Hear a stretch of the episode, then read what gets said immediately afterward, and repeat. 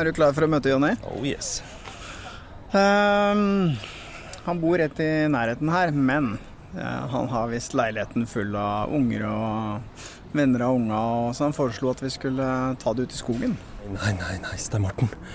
Husker du forrige gang vi var i skogen? Altså, jeg kom hjem dekka av myggstikk. Ja, men Det er det som er så fint. Det er jo du som får alle myggstikkene. Jeg får ingen. Det er en elendig idé. Men eh, la oss prate litt om eh, Jonny Haglund, som er vår gjest i dag. Ja, Det er jo du som kjenner han best. Du har jo kjent han i mange år. Jeg kan fortelle deg jeg vet om han. Uh, han er, må, regnes vel som en av landets beste fotografer. Han, Det er riktig. Han har vunnet noen konkurranser. Mange internasjonale priser. World Press uh, Foto, uh, Traveler Photographer of the Year en rekke ganger. Ok. Eh, Det, det som vi tre har til felles, er jo en Irak-tur som vi var på sammen i 2017. To år siden ja, så var han med oss til Irak, og jeg har jo vært i Peru med han og besøkt kokainkartell. Og vi gjorde også programmet Under Oslo sammen med, med Jonny, så han har jo vært med i en del insider-episoder. Eh, Det som er å si om han, er at eh, jeg har jo kjent han i mange år. Vi har jo trent sammen i 15 år. Jeg har vært personlig trener for han i 15 år. Da kommer han til å bli skikkelig glad da han hører det. Han mener at det egentlig er motsatt. At det er han som er min personlige trener, men ok. Han er, han er, han er godt trent, da. Jeg tenker sånn, Han er kanskje på min topp tre-liste av folk jeg ikke har lyst til å slåss med. Jeg tror ikke du kan slåss med han. Ikke jeg heller. Jeg kunne slåss mot det. Ja, det kan. Han har jo besøkt eh, steder i verden som eh, få andre har besøkt. Han har vært på eh, New-Guinea og stukket av fra kannibaler. Han har eh, vært i Kongo flere ganger. Han har vært på de høyeste fjelltoppene og han har vært nede i de dypeste gropene og dykka og gjort det meste altså, for å ta bildene sine. Og gjennom alle disse åra han har holdt på med det, så har han opplevd utrolig mye. Og jeg har lyst til at lytterne våre skal få høre noen av de eh, spennende historiene han har å fortelle. Så da får vi bare vente på han. Han dukker vel opp snart, tenker jeg. Han kommer der borte. Er ikke det han? Ja. Jonny, her. Se her, ja. Hei sann, takk for sist. Hallo, takk for sist. ja. Skal vi gå en tur hit på deg òg, da? Ja. Selv om jeg ser deg- selv om jeg ser deg slutta gruka. Hver dag. Hver dag stort sett. Skal vi gå en tur i skogen, da? eller? Ja, jeg har hørt rykter om at de skulle på skogstur. Helge er jo ikke kjempeglad i det. Du har ikke akkurat noe eh, skogsmenneske du lurer, da. Nei, det er helt riktig, faktisk. Det er helt sikkert. Men skal vi, skal vi bare dra, da? Ja, vi gjør det. Kom. igjen. Jeg tok med noen bilder, da. De ligger i sekken. Vi kan se på dem hvis dere vil. Det er litt sånn Ja, det er gøy å se på. spesielle greier. Hvis det er sånn. Og så jeg er jo fotograf, eh, men jeg skriver også, selvfølgelig. Jeg er frilans. Og jeg lever vel av det å finne gode, altså finne gode historier er vel egentlig det som er hovedtingen av det jeg driver med. Og, og, og ta bilder som for, forteller den historien på best mulig måte.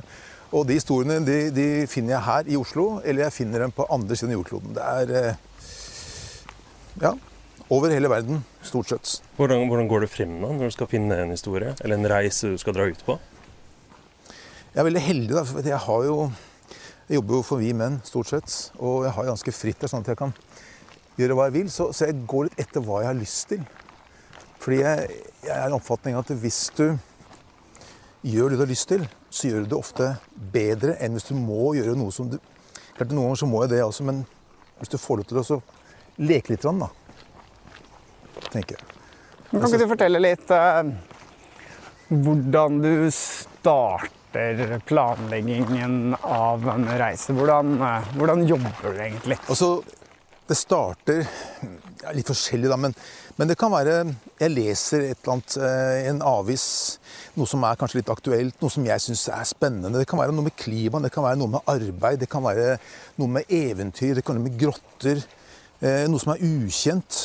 Det, det, det, alt mulig som trigger meg litt, da, føler jeg. Og så innhente informasjon om det stedet, den plassen, hvordan jeg kan komme dit, visum, tillatelser, og også da også få tak i en eller annen lokal eh, kjentmann eller en, eller en dame. Altså det, det, det er veldig viktig å finne lokale folk. Og jeg er veldig fokusert på det å bruke lokale mennesker.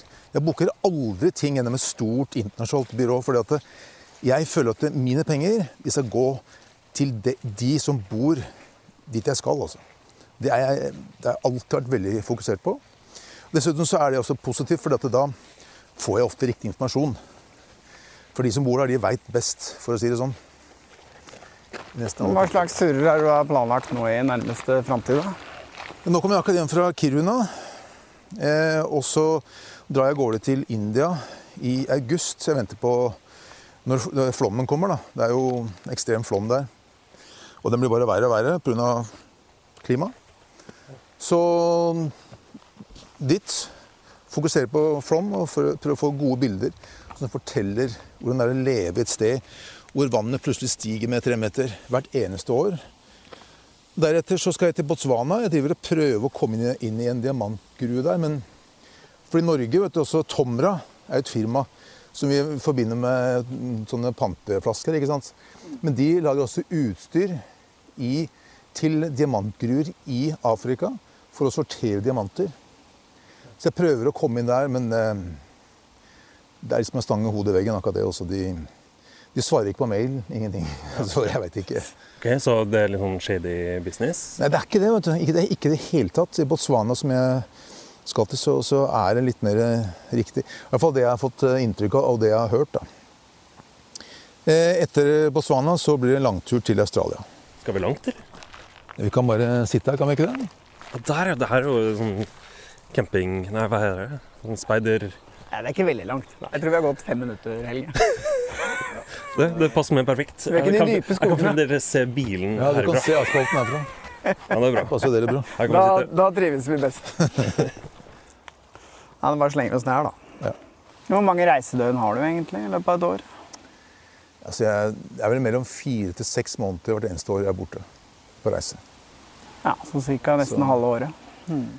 Ja, omtrent, da, kan man si. Det, det varierer jo fra år til år og fra hva jeg gjør. Noen reiser krever noen eh, oppdrag, eller oppdrag er feil å si, men noen eventyr krever mer tid enn andre. Men du har kone og barn og Ja da, jeg har det. Hvordan- Fortsatt. sy- Syns de det er ok? At du er så mye kona mi syns det her er helt morsomt. Tre glimrende. For å si det sånn, da. Um, Vi kan godt le av det, og, og det er klart at det, mange sier at åssen orker kona di dette her? Men la meg si det sånn, vi blir aldri lei hverandre. Fordi at eh, når jeg er ute og reiser, så ok, vi savner hverandre. Og ikke minst barna mine. De savner meg, jeg savner dem. Men det å kjenne på den der følelsen av at du savner noen og så hvor ofte for, Hverdagen i Norge, hvis du jobber A4, altså lever et A4-liv, så, så gjør du ikke det. For du er på jobb om morgenen til ettermiddagen, og så kommer de, og så er det middag, og så er det kvelden, og så er det samme om igjen og om igjen. Og så ser hverandre, du tar, tar hverandre for gitt, på en måte. da. Men når jeg plutselig er borte en måned, og mange ganger så er jeg ikke tilgjengelig på telefon eller på internett, eller noe som helst. Jeg er borte. Søkk vekk. Jeg aner ikke hva som foregår i Norge. Så klart at eh, Når jeg kommer hjem da, så er jo så Det er jo det er så stor, det er julaften sant, hver gang. Og det er, det er kjempeherlig. Og jeg føler at det lader batteriene i forhold til eh, kona mi og vårt forhold, og selvfølgelig også til, til barna mine. Så eh, jeg føler at det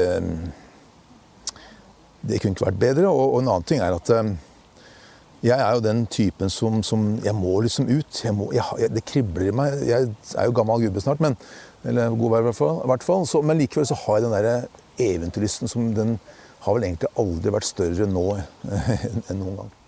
Fordi at En gang i tiden så utdannet du deg til ingeniør. Det driver og skriker om hele tida, at du er ingeniør. Men du har jo jobba akkurat et kvarter som ingeniør. Hva- Uølik er i gang i. Den kan jeg, altså.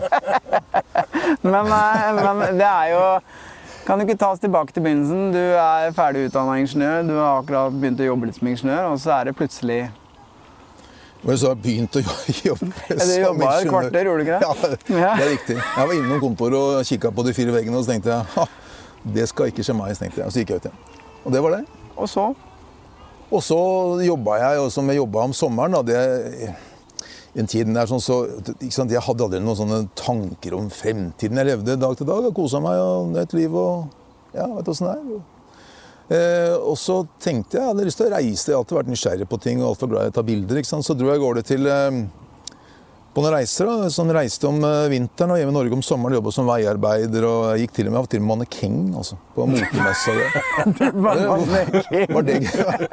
Hva hadde, du- du på deg da? Beskriv det. Jeg husker han, der, han som var sjefen, han var veldig hyggelig fyr. Han eh, hadde dress for litt, litt større menn. Det er ikke tull engang. Jeg gikk med dresser for de som var litt, mer, litt kraftigere bygd enn disse tynne, vanlige modellene. Men du glemmer en liten detalj her nå. For var det ikke den gangen du hadde langt uh, stripa hår og ring i øret?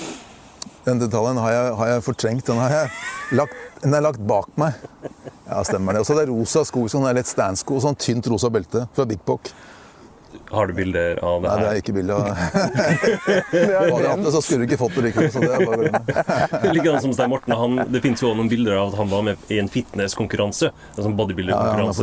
om det. De er også brent. det er også Ja, det- brent. Jeg er glad for at, jeg, at vi gjorde alt dette på en tid da det ikke var noe internett. Ja, det, vet du hva?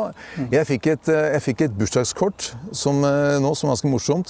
Du gjorde, eh, Vær glad for én ting, at du er så gammel, at du gjorde alle dine dumme ting før eh, det ble, altså før internett ble stor ting, sosiale medier ble en stor ting. For da hadde jeg, eh, og du også, Stein Morten, hadde vi hengt i en tynn tråd, altså. For å si det sånn. Det slitt litt. Så det er det positive ved å være litt voksen, er at du da slipper det der tullet der.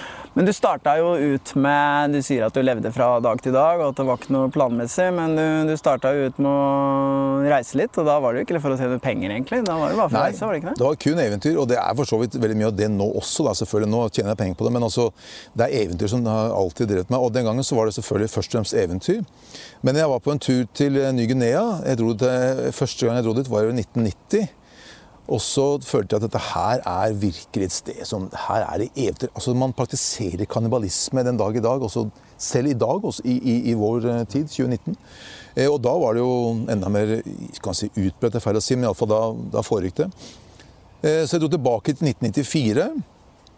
Og da eh, var jeg 42 dager inne i jungelen i regnskogen. Vi gikk oss ville og masse som skjedde. To av bærerne mine fikk malaria. og det var, Jeg gikk ned 10-12-13 kilo og sånt nå, i vekt. Og, eh, det var, liksom, det, var, det var spennende. da, klart at det er sånne ting som det er jo spennende Mer spennende når du kommer hjem kanskje enn eh, akkurat når du står midt oppi det. Men eh, likevel, da. Jeg kom hjem.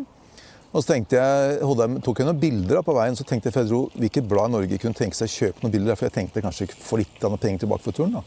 Og så var det selvfølgelig vi menn, det, dem kjøper jo alt ikke sant, av sånne typer macho, litt sånn tøffe ting. I hvert fall den gang, da. Så jeg tok, med, tok noen bilder av meg sjøl med Vimen-trøye, og så skrev jeg en dårlig sak. Med, og så jeg, jeg var ikke noe til å skrive, selvfølgelig, det var jo sånn 9. klasse skolestil. Men bildene var jo greie nok, da. ikke sant? Eh, Og så hadde jeg ett bilde hvor det står en sånn fyr med penisfutteral, og så leser han Vimen. For jeg hadde med meg ett blad Vimen. ikke sant? Et, eh, og det, Det er gøy. ja, og han, vet du, det han stu- stussa på, det var hun dama med, med toppløse dama. For det han ikke har sett før, var, en, det var hvite pupper. Ok. Så liksom alt annet var, Men det var hvite pupper, det syntes han var rart. Det var biler, det var hytter, hus og snø, men det, det var ikke så interessant. Men hvite pupper, det var han eh. Så i alle fall altså, fikk jeg bilde av han mens han leste det, og det var på en måte min inngangsbrett til å leve det livet jeg lever i dag. Fordi da jeg kom til redaktøren og viste dette her, så det tente han på. Så ble alt liksom, teksten litt omgjort, og så kom den første sak på trykk. Og det ga meg en, en slags sånn smak på det å leve det livet jeg lever nå, og så reise verden rundt, og Norge rundt for den saks skyld også, og så finne gode historier. Eh, og selvfølgelig da ta bilder som hører til. Um, mange, mange turer, mange historier. Uh, jeg vil gjerne at du forteller uh, historien i Australia, hvor du faktisk, ja, bokstavelig talt var millimeter fra å dø. Ja, altså det var jo det var en ekkel sak, det. Altså det jeg var i Kimberley-regionen, som er eh, ordentlig sånn stort villmarksområde nordvest i Australia. Og Det var jo november, liksom rett før regntiden begynner å sette inn og var varmt. Og da er det veldig mye slanger. Jeg er veldig glad i slanger. Da. Men eh, jeg satte opp kameraet mitt. Den gang var det jo da analogt kamera. ikke? Satte opp kamera for å ta bilder av stjernehimmelen. Altså det sto på sånn tre timers eh, åpning, lukker. da. Eh, og så gikk jeg opp på natta fra teltet for å ta inn kamera. Jeg hadde, hadde en kjepp foran og gikk med sko og sånt nå, men jeg gikk i shorts. da. Og så fikk jeg en sånn stikk på beinet, og jeg følte at det var veldig hardt gress. Jeg trodde det var gresset som på en måte skjærte opp beinet. Men så så jeg at jeg fikk to sånne små prikker som blødde på, på skinnleggen. Eh, og det var jo slangebitt. Og det var jo da, etter hvert som jeg kom til sykehuset, og sånt, så viste det at det var en death adder som er en av verdens giftigste slanger. Det som er med den, den er liten og tjukk og ligger og venter. Alle, de fleste slanger rømmer jo ikke sant? når de hører, ikke, de hører ingenting, men merker vibrasjonen til vi kommer gående. da. Men den stakk ikke, eller den stikker ikke. Den ligger og venter. Kommer du for nær, så angriper den. Og jeg så det ikke, jeg bare merka det stakk i leggen, så jeg blei jo, ble jo veldig veldig sjuk. Men eh, det legene sa, var at den, den traff i skillingen, så fikk ikke gifttennene ordentlig inn i kjøttet mitt. da. Hadde den truffet noen centimeter til siden, så hadde den kommet helt inn, og da hadde jeg mest sannsynlig ikke klart meg. For vi var kanskje 100 mil fra nærmeste sykehus. da. Langt, langt ut i ødemarka. Hvor lang tid tok det før du kom, før du kom ned til et sykehus? Og så hadde jeg med meg en eh, kamerat, eh, Roy Karlsson, brannmann, og han er jo Han ikke sant, levde som brannmann og førstehjelp alt han kan, så han hjalp meg en del. Da, men vi var, det tok jo lang tid før vi kom til nærmeste sykehus. Langt tid tok det før vi var framme. Så hvor lang tid det tok, det må jeg, da må jeg se notatene mine. For det, det er ikke som jeg husker fra den, akkurat det der greiene der. Jeg havna jo i teltet og hallusinerte og hadde høy feber og kaldsvette og alt det der som skjer. ikke sant? Men jeg kan jo huske at du eh, Du sleit jo med det lenge etterpå. Ja, jeg gjorde det. Jeg sleit med det et par år, faktisk. Jeg var jo her, jeg var på sykehus her i Oslo også, men uh, et par uker da jeg kom hjem. Men uh, det er ikke så mye for gjort. da. Du, har, altså, du, må på en måte gjøre det med en gang. Også noen sånne, sånne motgiftgreier og sånt. Men jeg hadde jo ikke det. Så. Men du lå inne i teltet der. Beskriv hva du, hva du Også, så hvis du hallusinerer. Hallusinerte. Ja. Også det Ubeskrivelig, for du ligger og Du er på en måte Altså, du er et annet sted, liksom. da. I, i, og så svetter og fryser, og så er du redd. ikke sant? Så, og så visste jeg jo ikke jeg visste jo ikke hva som hadde skjedd, for jeg visste jo ikke at det var slanger. Jeg, altså jeg, for det var mørkt, ikke sant? jeg hadde lykt, og sånt, men det var trøtt og, og, og smal i øya. Så, så, jeg trodde det var gresset først som gjorde at jeg hadde fått noe blodforgiftning. tenkte jeg, ikke sant? Men, det viste seg at det var da, altså en slange da, som hadde bitt meg. Så jeg lå der og visste ingenting. Så Roy trodde først at det kanskje var dehydrering, for også, du reagerer ofte på samme måte hvis du, hvis du blir dehydrert og ikke får nok vann eller varmt. ikke sant? Så vi, jeg drakk jo masse vann, men uh, Nei, det var ubehagelig. Den, uh, den følelsen der, den uh, håper jeg aldri får tilbake, for å si det sånn. Mm. Men det har jo ikke akkurat skremt deg inn i en omgang med slanger, for å si det sånn. Du oppsøker jo slanger. Altså, det med slanger er jo Det er ikke sant at de kommer etter deg. Det, jeg var veldig uheldig på den der. Eh, for å finne slanger så må man ofte leite etter dem. da. Så altså, klart, Mer man veit om slanger, lettere er det å unngå å bli bitt av dem. da. Så nå driver ikke jeg som disse her, eh, vet han, han Steve Irwin, han som døde annet av piggrokka, ja. mm. og leiter opp slanger og fanger dem. Jeg skal ta bilder av dem bare. da. Så jeg jeg føler ikke at det er noe problem, det også, så man er forsiktig. Er ikke helt ærlig nå. Jeg har vel hørt en ja, historie om en bryllupsreise som var litt spesielt med kona di. Kan du fortelle om det? Ja, og husk at jeg sa for noe bryllupsreise. Ja, ja, så jeg dro, jeg dro, med kona mi da, til uh, California først. Da. Det er jo anstendig sted, det. ikke sant? Og så er det noe som heter Buckskin Girl, som jeg faktisk var nå nylig igjen. da. Det er, en, det er verdens lengste sånn steinkorridor, eller Slott Canyon kalles det på engelsk. da. Eh, og den går eh, det er 2,4 mil gjennom eh, ørkenen i Utah, og der er det vanvittig mye slanger. Men det er kun på sommeren. da. Selvfølgelig var vi på sommeren vi var der. Eh, så jeg dro på en ryggsekk og vi hadde med oss telt og gikk inn og vassa i vann opp til eh, navlen. ikke sant? Og, og, vi så i første dagen så vi 15 slanger. Og annet også da selvfølgelig klapperslanger. Og eh, for å få et godt bilde, så, så måtte jeg jo få den litt opp i været. å, liksom, Det er så mørkt nede i grunnen der. Så, så, vi fikk den opp på en pinne, da, så måtte kona mi holde denne pinnen med slangen på andre siden. da. Det ble et bra bilde, da. Da snakker så hun, vi eh, bryllupsreisen fra helvete. Du må stå og holde klappeslangen ja, som har kveila rundt en greie. Kombinasjonsreise. ja, hun har nevnt det et par ganger eh, seinere, det kan sies. Hun, hun snakka jo om noen hvite stender og sånt, men jeg eh, sa at det er så kjedelig, så vi blei ble enige om at eh, det ikke var så spennende. Men fikk, i fjor så var jeg på Seychellene med kona mi. Det er sant. Det var jeg, og da holdt hun ingen slanger. Da holdt hun bare sånne pina coladaer og sånt. Så det er ikke så synd på henne. Altså. Men ble bryllupsreisen din betalt av uh, Vimen? Nei, altså, Vimen betaler meg ikke sånn ikke sant, for reisen sånn. De betaler for de reportasjene jeg lager. da. Så, og da lagde jeg reportasje, faktisk. Det ble jo, så de, jeg fikk jo dekka en del av utgiftene. da. Ja. Så det, Jobben min er jo også en livsstil, ikke sant? Så, så det sklir litt i hop med Og så la oss si sånn, hadde jeg vunnet i morgen 25 millioner i Lotto, så det jeg fortsatt med akkurat samme livet som jeg gjør nå. Jeg hadde ikke forandra på det. Det er, eh, Alle sammen, eller ikke alle sammen, veldig mange spør meg ja, liksom, hva er drømmen. Altså, drømmen, jeg, kan jeg leve drømmen? Jeg har ikke noe behov for å gjøre noe annet. Jeg, har ikke noe særlig andre ønsker. Du har vunnet en del uh, priser. Jeg vet jo at du hater å skryte, men uh, det er jo gøy å høre om det. Ja, da har jeg vunnet litt priser. Også, dette med priser er jo veldig stort for veldig mange. Og, og jeg burde vært flinkere selvfølgelig til å sende inn bilder og delta i konkurranse. Men uh, for at jeg ser at det har, det har, en verdi. Det har det. Så absolutt.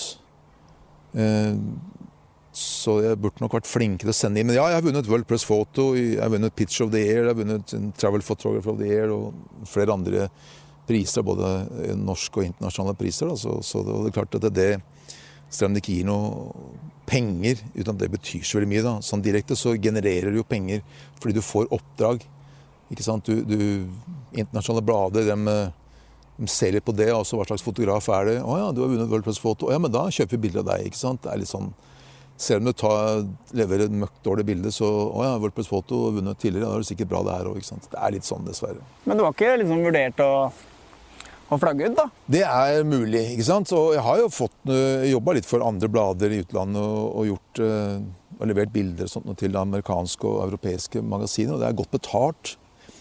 Men det som er aller viktigst for meg, sant, det er jo det å trives med det jeg driver med. Jeg får trent når jeg er hjemme i Norge. trener jeg hver dag. Jeg synes det er, det er liksom livsstilen min. Jeg ser barna mine, kona mi, og så reiser jeg til de stedene jeg ønsker å reise til. Lager de sakene jeg ønsker å lage. Jeg har den derre altså, Det livet der, jeg, jeg, har ikke lyst til å gi slipp på det. Altså. Jeg, fordi jeg skal ha høyere status eller tjene mer penger. Eh, det er ikke så viktig for meg. Men du glemmer en viktig ting her, selvfølgelig. Og det er jo det at eh, hvis du hadde flytta ut, så kunne ikke jeg vært personlig trener for deg lenger. Og da hadde du vært i dårlig form og ikke orka alt dette her. Ja, vet du at det slår begge veier. ja, det er riktig. Da hadde jeg vært dårlig form òg. ja, det skal jeg love deg. Altså. Trening er viktig uansett, men, men, jobben min også, selvfølgelig. Det er mange turer jeg har vært på. Krysse Himalaya, oppe i fjellene der, klatrer på 6000 meter og går i flere uker.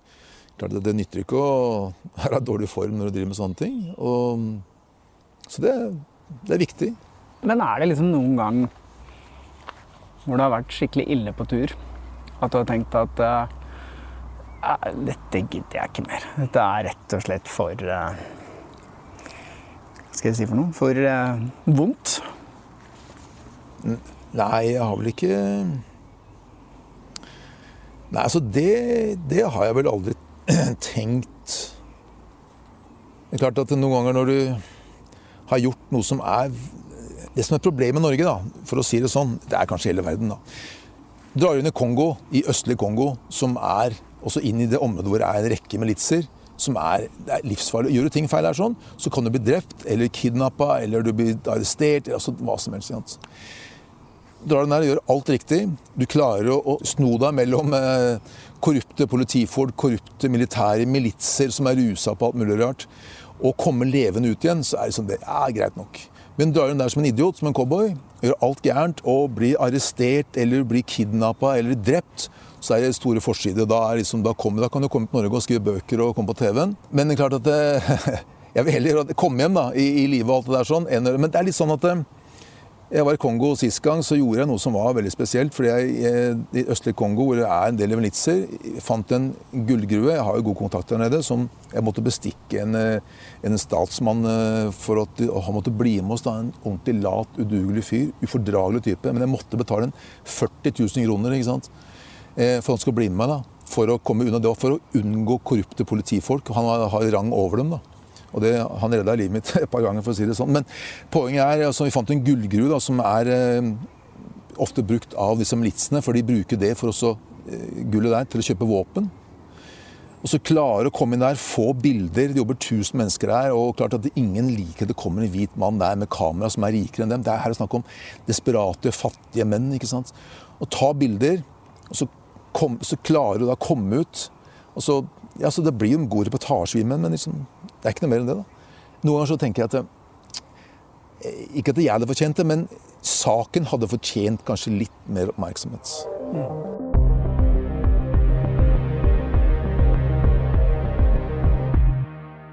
Ja, for det ligger vel litt mellom linjene her nå at uh, Det er vel et par, spesielt to personer du sikter til, som, som tok en tur til Kongo. Det gikk jo skikkelig gærent. Og det er jo foredrag, og det er bøker, og det er masse ja, hva tenker gjorde... du om turen deres? da? Du har ja. vært tre ganger i Kongo. Ja. og Hva tenker du om liksom det de drev med? jeg gjorde litt research på det første gang jeg var der. Og jeg, han som er min kontakt, da, han er en veldig spesiell fyr. Han har bodd der i 30 år, fra Belgia. Og han sa også det at, For jeg tenkte første gang jeg var der, å kanskje besøke dem i fengselet, men det sa han at det må du aldri finne opp å gjøre. For hvis du gjør det, så vil myndighetene tro du er i sånn slags sammensvergelse med dem. da. Måtte ikke finne på å besøke dem, måtte bare ta fullstendig avstand fra det. Så da gjorde jeg ikke det, da. Da fikk jeg gjort det jeg skulle gjøre. Men det var det han mente. Også en annen morsom ting, da, eller morsom ting er kanskje feil å si. Jeg møtte jo så var det visst en politisjef da, som arresterte eh, Moland. Eh, Mambasa, mener jeg den byen het da. Og da så det, det, som er med Kongo, vet du, at det, du veit aldri hva som er helt sannheten. fordi det kommer historier både her og der. og alle sier noe. Men han da, han mente at det var han som arresterte Moland. Og så spurte jeg, jeg, jeg har en veldig god tolkner. Han er kjent med han er fantastisk flink, snakker bra engelsk, snakker flere lokaldialektene, og fransk selvfølgelig. Og jeg spurte da, altså, hva skulle til for at du skulle sluppet Moland? Han sa det ikke direkte, men han sa det indirekte til eh, tolken min. 1000 dollar, så hadde han vært eh, på voyage. Det var ikke noe mer som skulle til? 1000 dollar. Så du husker på, Det koster ca. 100 dollar å få en mann drept i Kongo. Du kan prute den til kanskje 70. Er det sant? Ja. Ja, ja, det, det, det, har jo, det her har jeg forespurt meg om flere ganger på reisene mine. 100 dollar, så får gjort veldig mye i Kongo. Og så gitt han politisjefen 1000 dollar, eller ringt hjem, du kan sette over 1000 dollar til den kontoen der. Så hadde det vært bom og jars Mission.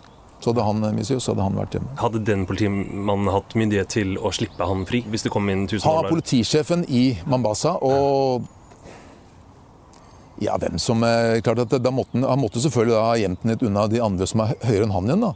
Men han har jo myndighet til å si det. ikke sant? Han er jo der han er. Så hvis man hadde bare vært tidlig nok inne med en 1000 eh, dollar, det, det så ja? Tidlig nok inne ja. med penger så hadde nok han eh, klart å i hvert fall komme ut derifra og så kanskje komme seg over grensen til Uganda. Det, det er eh, Nå skal ikke jeg sitte og si dette, for jeg har ikke noe greie på dette her. Men jeg, jeg bare, det jeg refererer til, er jo de, de, som jeg kjenner som bor der nede, som, som har god kjennskap til dette her systemet her. Så, og hvordan dette fungerer. For det er ekstremt korrupt. ikke sant? For da den norske staten blir involvert i den saken der, så kommer jo det kravet opp i flere milliarder. Ja, ja halve oljefondet. ja. Men bare for å ta et eksempel. Eh, general Amisi, tror han het. Han eh, var liksom eh, Kabilas fremste general da, til å kjempe mot rebeller og militser til landet. Og han, liksom, han, krevde, han, fikk jo masse penger og kjøpte masse utstyr og skulle slå dem ned. Men så, så blei disse her militsene de ble jo harde å slå likevel. da. Viste det at han generalen han, solgte, han kjøpte inn masse kanoner og alt mulig for statens penger, og så solgte han dem til de han skulle kjempe mot. For å putte penger i lomma. Ja, Da blir det vanskelig å drive krig. Bare for eksempel, et eksempel da, liksom, på Men da beholder han jo jobben sin, da. da ja, så, han var jo selvfølgelig han var jo han, Fortsatt noen å slåss mot? Ja, han eh, så ja. forover. Altså. Tenkte framover. Men hvordan er det med korrupsjon rundt omkring i verden? For det så virker det som om det er en helt naturlig del av din jobb å skulle betale det inn for ja. å, å, få tilgang til et bestemt miljø. Det er veldig mye korrupsjon, og det er veldig vanskelig. fordi hvis du La meg si det sånn, hvis du gjør det feil, da, så blir du beskyldt for Og også tror jeg er korrupt. Det, altså, det, kan slå virkelig feil også. Det, det, er massevis av det. Og særlig, altså, dessverre må jeg bare si Afrika, altså, Kongo, Mauritania altså, Det er eh, Algerie også faktisk litt. Også, så Men du betaler jo Altså, ja, korrupsjon, men du betaler jo egentlig for sikkerhet, er det ikke det du gjør da? Ja, så, sånn, jeg hater korrupsjon, men jeg hater enda med tanke på å ikke komme hjem igjen. Det kan du si. Så derfor så gjør jeg det. fordi at jeg, altså, men jeg gir aldri pengene. altså jeg gir aldri pengene. Jeg gir dem alltid til tolken min, for han kjenner liksom litt mer systemet. Liksom, hvordan du skal gjøre det. Du kan ikke bare dra opp 100 dollar. Her, vær så god. så alle sammen ser liksom, Du må gjøre litt sånn der, Litt sånn under bordet. Og, men dessverre, det er en uh, Bangladesh også. Jeg var der nå nylig. ikke sant? Og, for å få tillatelser, for å få gjort ting, så, så ja, men, altså, folk, eh, særlig øvrigheten, eh, politiet og sånt, det er soldater altså, Alle steder hvor det er mye, mye av det, da, så, så, så er de så redd for fot fotografer. Det er akkurat som, altså, vi, er, vi, gjør ikke noe Jeg legger en fotspor, så tar jeg bilder, men det er liksom, det er det verste. Altså. Det, er, det er grusomt. Så da er det bare å betale. Det er klart, Ofte så er det ikke snakk om store summer, da. Men eh, du har ikke noe valg. Og i Kongo så er det ikke akseptert, det er en selvfølge.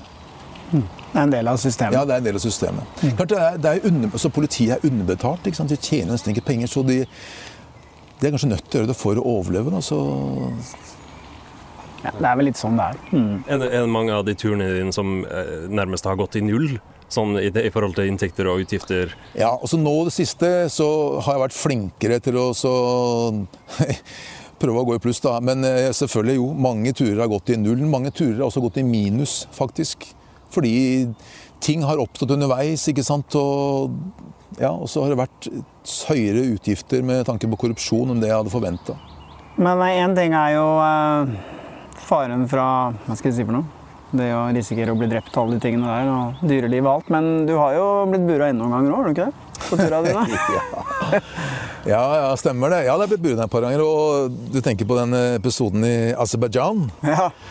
Jeg var og tok bilder utenfor Baku. Er jo, ligger det olje oppi dagen. ikke sant? Det er jo miljøkatastrofe uten like. Nå er det noen år siden jeg var der, men jeg husker det rant jo ut i Kaspiske hav. og Det er en av grunnene til at støren den er jo blitt uh, steril. altså Det er mange ting der, men iallfall også gikk jeg tok bilder der. da. Og da kommer selvfølgelig politi, og jeg blir satt inn i bilen, og håndjern og industrispionasje var liksom beskyldningen, da. Og ble tatt til politistasjonen, da, og der møtte jeg en veldig streng fyr. da, Politisjefen at dette var alvorlige saker. Dette er veldig alvorlig, for du, liksom, industrispionasje, det tar vi ikke lett på her i landet her også. ikke sant? Men så så jeg at han hadde blomkålører, litt sånn eh, kampsportører, og jeg har drevet med kampsport hele livet mitt. så klarte jeg å pense innpå litt kampsport. da. Og så viser det at han driver med sambo. Det er en ja, bryting-judo-sak. ikke sant? Og så Ja, nei, jeg driver med judo og bryting. Og, også, og så var det en sånn slags kontrollspørsmål, da, og så viste jeg at så skjønte han at jeg drev med judo. Og da var det oh, oh, welcome, uh, da, very, uh, Judo is very nice. Uh, judo is very good. I like judo very much. Yeah. Og så vinka jeg på de to gutta som arresterte meg. Kjør han til hotellet hans. da var det alt i orden. Så det ble redda. Det, det, var litt Ja. Så det er, du kan si at det er eneste gangen i livet ditt at kampsporten virkelig har redda deg? Det er én gang kampsporten redda meg, og så er det én gang norske regjeringen eller politikken før Norge har redda meg. Da var jeg i okay. Mauritania. Eh, og Det var en av de siste dagene vel, på turen min. Og jeg gikk langs kysten i Nouakchott. Og så til noen bilder, da. Og så kommer en gjeng karer, jeg så som fiskere, med liksom jernrør i hånda. Liksom, det er liksom ganske tøffe gutter. da. Og der i Mauritania så er de veldig skeptiske til fotografer. Og spesielt da jeg gikk der uh, aleine uten noe tolk, ikke noe kjent mann. ikke sant? Og så uh, kom han gubben bort til meg som var lederen og lurte på hva jeg dreiv med. da. Først på fransk, og jeg kan ikke det. Og så svarte jeg på engelsk, da, et språk som veldig få kan da, i Mauritania. Men han kunne et engelsk, da. What do you do here? You have permission. Ikke sant? Uh, jeg gikk sånn Nei, jeg har jo ikke det, da. Så så jeg meg morske og morske gutta stelle seg litt ring rundt meg. Og der er det, da føler jeg ikke høy hatten. altså. Og så sier jeg til nei, og så du skjønner at jeg er norsk turist, jeg tar bilder så jeg kan vise til mine venner i Norge. Kikker han på meg. You Norway man! Oh, I have friend in Norway, and he gets money for nothing. Velkommen til Mauritania. Så da, da, var jeg bare vist rundt, og gutta klappa meg på skulderen. og Norway's good country.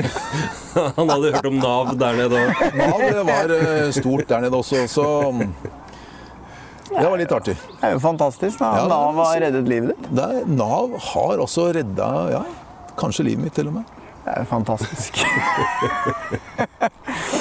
Men eh, jeg kommer jo på en historie, den må du jo nesten fortelle. Jeg vet at du kanskje syns det er litt sånn kleint å fortelle det, men det er, en, det er en god historie, og du har jo masse selvironi. Men uh, husker du fortalte at du var en liten Det var Romania du var? Hadde vært ute i villmarka? Ja, den der, ja. Den, ja. ja da. Den er eh, Det er Ja.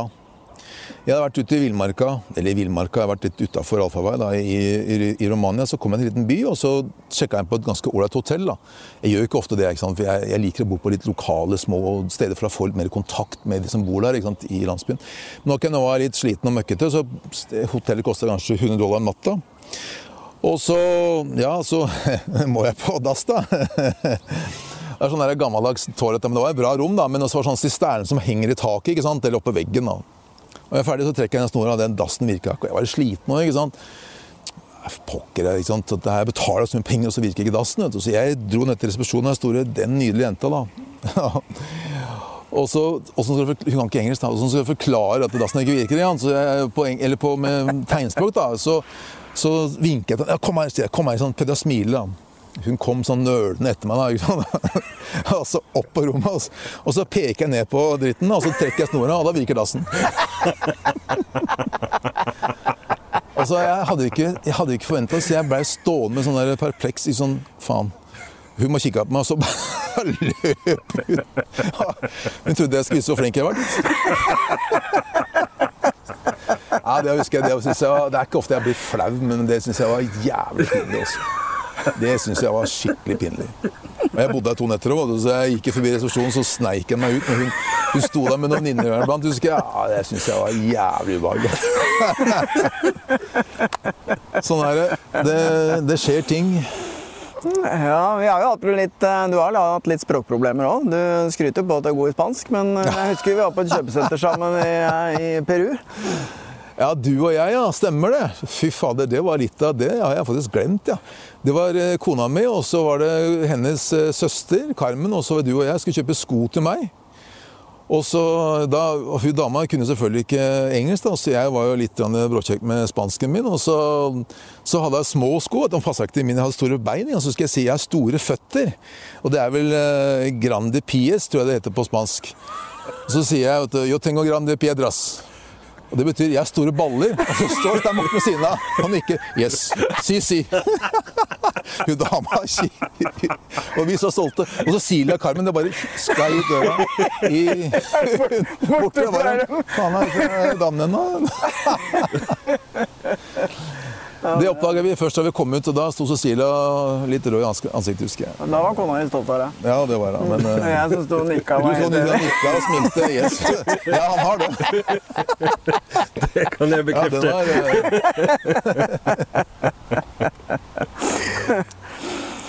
Men uh, du har jo du har reist en del i India òg. Det har vært mange ganger da? har du ikke det? India har jeg vært faktisk 27 ganger nå. 27 ganger? Ja, ja. Jeg liker India. Men hva er det som er så fascinerende med India? Ja, Å sette fingeren på det er litt vanskelig. Altså, det er et så stort land. Det er på en måte som et kontinent. Med, du har jo ørken, fjell og jungel og steppelandskap, og du har jo alt mulig av landskap der. Og så er det noe med den indiske kulturen. Jeg, den, er, den, er, spesiell, og så er den så ufarlig. Også India er et veldig, det er et veldig sånn Det er fredelig land. Um, og så er det mye Du veit aldri hva som venter på neste gatehjørne. Det er mange gode fotomotiver, mange gode historier å fortelle i India. Veldig mange gode historier. Eh, jeg husker Andamanøyene var jo spesielt Jeg ble glad i grotter, ikke sant. Så ble jeg invitert ut på en liten øy der hvor det bodde elleve ornitologer. fordi at det er sånn svaler som er svaler her. Og de svalene de, de lager et rede som er en sånn, sånn gummigreier. Altså, veldig populært som sånn svalereirsuppe i eh, Kina blant annet. Så de, så svalene er jo på vei til å bli utrydda. Altså, ornitologene bodde for å vokte disse svalene. Og inni sånne små grotter så var de hver dag og sjekka om svalereinet var ok. Og de telte dem alt mulig. Så jeg blei med inn da, i disse grottene. For jeg var liksom grottemann, og dette klarte jeg, vet du. Så, men det jeg ikke tenker på, at de gutta her de spiser jo linser og ris. ikke sant? De spiser jo ikke pizza og cola, som andre folk gjør. Så en av grottene, så skulle vi ut igjen. Eh, og han, jeg sklei ganske greit inn, da. Men han foran meg han bare smatt ut, og så kom jeg etter, så sitter jeg fast. ikke sant? Jeg sitter ordentlig fast. Altså, at du, jeg får ikke, altså, mer, mer jeg rørte på meg, mer sånn satt jeg fast. da. Og så tenkte jeg ja, men han kommer tilbake, tenkte jeg. ikke sant? Jeg var jo med en kjent meg nå, da. Så, også disse ornitologene. Men de kommer jo ikke, vet du. Så jeg sitter jo der. Også når du, en ting er Jeg sitter fast i Norge, jeg har gjort det òg, men det er, det er, kaldt og mørkt og alt det der. Men her var det varmt og masse insekter. Og når du kjenner at du kjenner noe som krabber skal ned i buksa di, og du får ikke gjort noe, det er ubehagelig. Også. Og Hvor lenge jeg satt der, veit jeg ikke, men kanskje en halvtime, da. Iallfall det føltes sånn, da. Og så kom en av disse gutta tilbake. Å, oh, sir. Uh, we first eat lunch, now we help. Det, ja, man hadde pokker meg sittet og spist lunsj utafor mens jeg satt fast der inne. Jeg hadde ikke Husker jeg Det var eh, Kan ikke bli sinna heller, vet du. Nei, Du du hadde ikke- sikkert ikke betalt dem bra nok. Nei, kanskje ikke. Men, men så var det, ikke og når jeg kom ut, så dro de meg litt i armer og bein. Men jeg hadde masse stikk på kroppen. vet du. Ja, Maur og mygg og alt mulig kryp. Ja, ja. Men du var i, du var til Kashmir òg, var du ikke det? Var til Kashmir eh, flere ganger. Jeg var der for eh, et par år siden nå sist. Ja. Hvordan er det? Er ikke det ganske farlig? Eh, jo, også det, det var ganske farlig. Nå er det vel eh, tryggere enn på lenge. Eh, men eh, det har vært en del problemer. Det har vært det også. Men problemet også med Kashmir, da det var en del trøbbel der sånn, der Jeg var der oppe i den verste tiden, da. Når var det? da? 2000 og var det 2002? sånn, Jeg husker ikke akkurat, men i hvert fall det var rundt der. da. Problemet som jeg har fortalt, da, som jeg også fikk fra flere kilder, er at det, der, det bodde da reportere fra CNN og BBC. Og det er gutter som da, det var i det tilfellet var det menn, da, som får godt betalt for å være på et farlig sted. Og de må på en måte forsvare at de er på et farlig sted. Så det var et eksempel, husker jeg, det, det så jeg mine egne øyne på etterpå på nyhetene òg. Eh, et hotell ble bomba. Men det var bare litt av hotellet som gikk bort. Og så, kan si 19 si, ikke- ingen med skada, ingenting. Men bare liksom en del av veggen ble litt rysta, litt, litt sprekker og sånt noe. Det ble rapportert på både BBC og CNN som at det var et hotell ble bomba. Altså det var langt alvorligere på nyhetene enn det var i virkeligheten. Eh, og det er jo fordi at selvfølgelig de må jo Du kan ikke si at ja, nei, det var hotell som bomma, men det var helt greit. det var noe, Ingen skade skjedd, og hotellet er fortsatt i drift. Det passer ikke inn det ikke sant, på kveldsnyhetene. Og I hvert fall ikke når det er en godt betalt reporter fra BBC eller CNN. Så, så det flere sånne eksempler gjorde at det kanskje blei eh, Hvor farlig det er, blei liksom litt lagt på. Da. Ja, hausa opp, da. Det kan man si. Og det er også grunnen til at jeg leier lokale folk. fordi at eh, Men ble ikke du skutt etter i Kashmir? Jo, det også ble stemmer. Det var den samme turen, faktisk. Det, det var jo. Det har du glemt. Det. Nei, altså, det, var på en måte ikke, det var på en måte ikke i Kashmir, det var i som heter Kargil, som var på vei til Kashmir. Derfor jeg ikke husker det. Eh, om jeg ble skutt etter, eller om det var streifeskudd, eller om det var noe, også, sånt, det, det veit jeg ikke. Men jeg sto og tok bilder tidlig om morgenen av en gruppe mennesker som drev og demonstrerte nede i gatene. Det var eh, ikke mange. Og så hørte jeg at det smalt. Og så forsvinner sekken min. Sekken, kamerasekken sto siden av meg, og så forsvinner kamerasekken.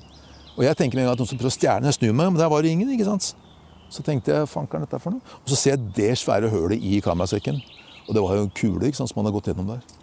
Ja, det var close.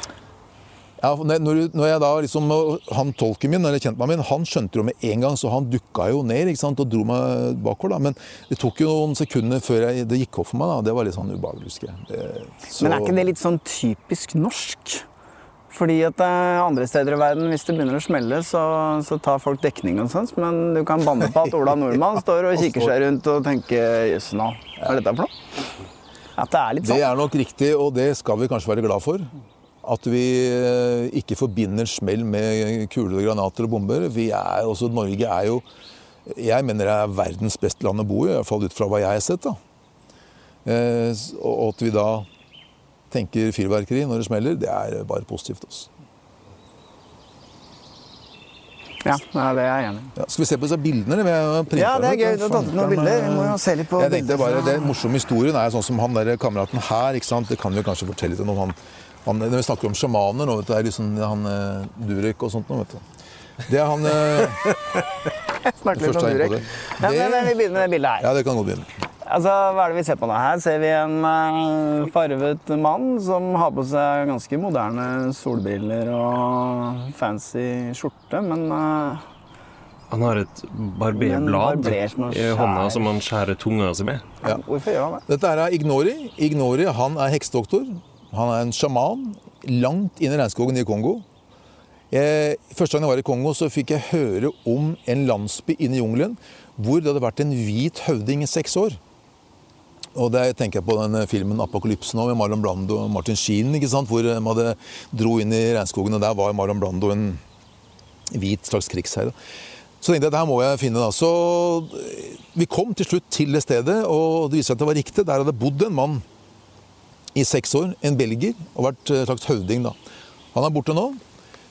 Eh, Det er 19 år siden han hadde vært der, og så barna hadde jo aldri sett en hvit mann. Også, det var jo ikke, De som ikke var 19 år, hadde ikke sett en hvit mann før. ikke sant? Så, så det var populært at jeg kom, på en måte. Og så hadde jeg med masse bilder av familien min som jeg ga til høvdingen.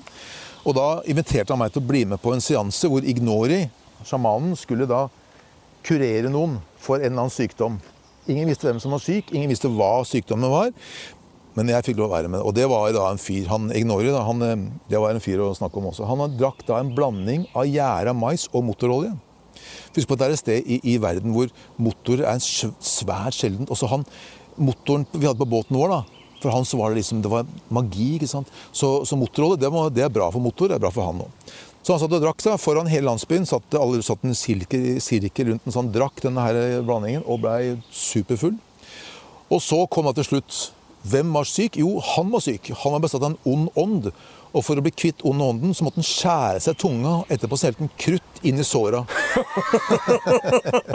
det var eh, hans måte. Og det morsomme var at han eh, spurte Musungo er hvit mann, da. Musungo, åssen føler du deg? Nei, jeg er helt ok, jeg. da. Det er ikke noe ånde med meg, jeg. Men hvordan var hans reaksjon? For her ser vi jo han, svetten renner jo ganske greit. Ja, det og du, det renner blod nedover tunga her. Ja, ja. Men når han får det kruttet inni kjeften der Glis, glisa, lo, dansa. Hoppa og spratt. Han var klin gæren. Han, var- altså, han var rett og slett gal. Gal-Mathias. Men uh, Men Hvordan er det liksom å omgås eh, når du er til stede sammen med disse menneskene? De er jo åpenbart påvirka av ting. Og... sånn som han, i tilfellet her sånn, så, så sitter jeg litt med garden oppe. Jeg gjør det. For at du veit aldri hva de kan finne på. Når du kan skjære av tunga med et barberblad men fort tenker at eh, å ja, og så må jeg drepe en turist. eller drepe, altså, Jeg er jo en turist for dem, da. ikke sant? Så, så du veit aldri. Så, så, og det så jeg også en tolken min som jeg hadde med Jacques, som er veldig flink, som jeg sa. Han, han, også, jeg så, han var veldig påpasselig også. Men jeg hadde også med meg et par andre karer, sånn sikkerhetsvakter, da, som, som var på min side. da. Men han var eh, grei, han også. Og da han var ferdig vet du, med dette greiene her, så og spurte meg og sånt, nå, så kom da hans fire koner og hjalp ham inn, inn i hytta. da. Men jeg tenker, Fire koner, da, som skal passe på. Men tenker, tenk på han dagen derpå. Drikke seg full på gjæra mais og motorolje, og så tunga full av krutt og dype, dype bit. eh, Dype det med krutt. Men nei, det er morsomt. tror han har en dårlig dag i dag. Dag, Men det er fantastisk fint bilde. Er det stått på trykk? eller? Ja, det, altså, jeg lagde en sak nå faktisk eh, om sjamaner. Vi har jo fått en sjaman i Norge òg, som alle sammen vet om. Så jeg, jeg lagde en sak om mine møter med sjamaner. Altså, det sto på trykk nå i Women for ikke så lenge siden, faktisk. Så mm, ja, det, er, altså, det her er faktisk en kollega da, av han eh, Durek. For å si det sånn der. Ok, Nå har jeg flere bilder. Ja, har med flere bilder. Skal vi se. Dette er fra Nepal. Dette her, jeg var på en ganske artig sak i fjor med Norges Blindeforbund. Oi, det er bildet er fra en Ja, operasjonssal. operasjon. Og så det er jo uh, det, det er en person som ligger her med er klede over ansiktet Ja. og hull akkurat over øyet, så vi kan se øyet. Ja. Hun heter Suk Maya. Hun er blind på begge øynene, 31 år gammel. Og hun bor i en veldig avstedsliggende landsby i uh, Nepal. Et sted hvor det ikke kommer turister. Det er ikke noe særlig høye fjell. Altså, det er høye nok fjell, men det er ikke noe sånn turistfjell. Altså, det, det er veldig fattige mennesker. Hun ble blind for å være 15 måneder tidligere på begge øynene pga. sykdommen der. Og hun trodde at hun aldri kom til å se igjen. Hun følte seg som en byrde for, familien sin. Hun kunne ikke jobbe, kunne ikke gjøre husarbeid, kunne ikke ta seg av barna sine.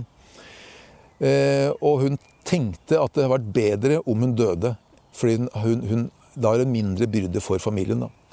Men Norges Blindeforbund har en sånn der, et sånt prosjekt hvor du drar inn i veldig grisgrendte strøk i Nepal og opererer, setter på sånn operasjonsstue i skoler eller sånt, og så opererer de mennesker gratis.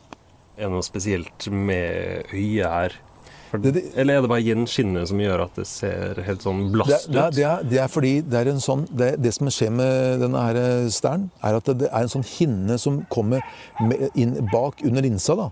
Det han legen gjør, han snitter opp øyeeplet, så trekker han ut den derre som du ser i sånn, i sånn der blasse linsa, og setter inn kunstige linser. Dagen etter så kan han se. Så, så for henne og Han opererte vel 75 øyne på to dager. Var du der da hun våkna dagen etterpå? Ja, Filma det til og med. Hvordan var reaksjonen? Og så For henne så er det et mirakel. ikke sant? Hun hadde to plasterlapper på øyet, og så si- sier legen 'lukk inn øynene dine', og så trekker han bort plastlappene, og så står det masse folk rundt. da. Liksom, det her er folk som har, Mange av dem har gått i fem-seks dager for å komme hit. ikke sant? For dem så er de er veldig overtroiske. da, ikke sant? Og så sier han lukk opp øynene, hun lukker opp øynene og smiler, og så sier han hvis du kan se meg, pek på nesa mi. Og så tar hun fingeren på nesa hans. Og hele, hele landsbyen vet du, hele landsbyen bare jubler. Dette her er, liksom et, dette her er, dette her er eh, magi. ikke sant? Magi i Himalaya. Fantastisk. Så jeg fikk det håret reiste på armene. Jeg Fikk helt eh, gåsehud. Eh, Og det morsomme er at eh, hun hadde en datter på 15 måneder som hun aldri har sett før. Så hun så datteren sin for første gang da. ikke sant? Også Det er en god historie. Ja, det er det. Og så koster det 300 kroner for hvert øye å operere. Tenk deg det, altså. Fantastisk. Det er nesten så vi skulle klippet inn lydmateriale hvis du har det fra den filmen. Ja, det jeg har eh, fra filmen. Ja. Ja, det må vi nesten få til. altså. Det er kult også å høre det.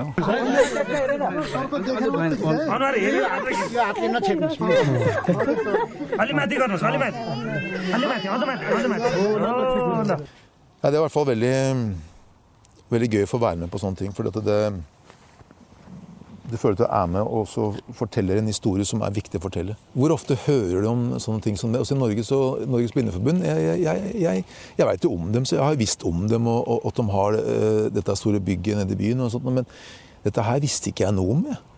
Og så plutselig så ser jeg at, og det syns jeg er så herlig når de gjør det fordi de ønsker å hjelpe. Ikke fordi de skal få masse PR og stå fram i media og se på hvor flinke vi er. De gjør det fordi de har lyst til å hjelpe. Og det, sånne ting som det elsker jeg å være med på. Men Men, det der er jo uh, utrolig fascinerende. Vi kunne sikkert holdt på i timevis, men det, det kan vi ikke. Men, eh, men det jeg i hvert fall har lyst til å høre om til slutt Du har sikkert noe, du òg. Men eh, For du har jo hatt et bilde på forsiden av New York Times, har du det? ja, ja, jeg har det faktisk. For noen år siden. Det mm, var fra Costa Rica. Det fra mm, et sånt greit bilde, men det var en badestrand. Ikke en badestrand kanskje, men en strand da, med palmer og sånt noe som var da i forbindelse med en reportasje om Costa Rica i New York Times. Så det var jo selvfølgelig litt gøy. Jeg, jeg selger jo litt bilder via Getty Images, og det var de som hadde solgt inn der. da. Så mm, Det er ikke så mange som kan skryte på å ha hatt bilde på forsiden av New York Times. Nei Så da, det det- syns jeg du skal få lov til å jo, jo. Skryte litt av. Hyggelig. Det er kutt. kult. Og du Helge, lurer på noe mer før vi Nei, avslutter? det, det var jo eh, den ene tingen vi tre har, har til- sånn felles sammen. Ja, ja, ja, Og i 2017 så var vi i Irak en tur. Ja. Men Har den turen gått i glemmeboka? Nei den eh, husker jeg godt. Var- Hvordan vil du rangere den sånn på lista over farlig tur? Ja, nei, den, den var jo ikke uten risiko, men det var jo For vi dro jo til Mosul. Ja, vi gjorde det, ja. eh, selvfølgelig. Men eh, eh, den er på lista over de kanskje de ti farligste stedene jeg har vært. Det, det kan jeg vel si. Det må jeg si. Men, Ja, eh, jeg var i hvert fall livredd. ja, det så jeg. Men eh, Hva, hva husker du best fra den turen? da? jeg likte jo veldig godt eh, både Mosul og også da vi var oppe i fjellene mot grensen til Iran og så etter eh, landminer. Sammen med Audun. Det syns jeg var også veldig fascinerende. Da Audun bare dro ut i terrenget med hjelm på hodet. Og kom altså på noen landminer, Ronny, uten å få tillatelse av noen. Og der lå det en landmine, og han pusta på den. Og det var en, det var en landmine. Hadde feil trykk på den. Jeg tråkka på, så det bare poff, hadde gått i lufta begge to. Verdens hyggeligste, snilleste mann. Men han, han skulle, dro ut der. Det var mørkt òg, vet du. Men vet du hva jeg husker best fra den turen? Kom igjen, da. Det er vår venn eh, ved siden her. Hadde spist kebab. Oh, altså, Helge, det har jeg lært. Det lærte jeg egentlig da jeg var tolv år. Men når det er i et land, og så bestiller du rått kjøtt Et land som kanskje ikke er Rått. eh, Kanskje ikke er eh, Fire stjerners restaurant. Det er ikke Europa, ikke sant? Så bestiller du ikke kebab med, med rått grevlingkjøtt. Du, du gjør jo ikke det, ikke sant? Det er første gang jeg har Eller nå har jeg ikke sett så mange som har beveget seg i et minefelt, men det slo meg at eh, akkurat da så brydde ikke Helgesen noe særlig om om det var miner der. Han var bare ute etter å. Ja da. Jeg, jeg tror den podkasten er over nå. Ja. Altså, det er jo litt av et liv. Det der eh, Men han har jo levd et eh, utrolig Han lever et utrolig fascinerende liv, og jeg har jo alltid hatt dyp respekt for det han driver med. Jeg kan med hånda på hjertet si at eh, jeg hadde ikke blitt med på en brøkdel av det. Vi har, jeg har vært med han litt på tur, men ikke noe i nærheten av de tingene der, altså. For det krever Du skal være i god fysisk form, du skal være veldig sterk i hodet. Du skal orke å sulte og fryse og svette og takle det meste. Og jeg har jo sett han noen ganger når han har kommet hjem fra tur og gått ned ti kilo. Det har ikke vært noe spøk. Men det er gøy å høre på, da. Fantastisk. Og nå skal han ut på tur igjen. Ja, han reiser jo hele tiden. Så Men han elsker det. Og Tålmodig kone, tålmodige barn. Ja, men det er litt som han sier, at uh, Jeg husker uh, Faren min fortalte at han hadde vært en begravelse til en kollega av seg. Som hadde reist veldig mye i sitt liv. da. Og så sa presten at uh, ja, hemmeligheten bak et langt og lykkelig ekteskap, det er mye fravær. Ok, Godt poeng. Ha det bra. Snakkes.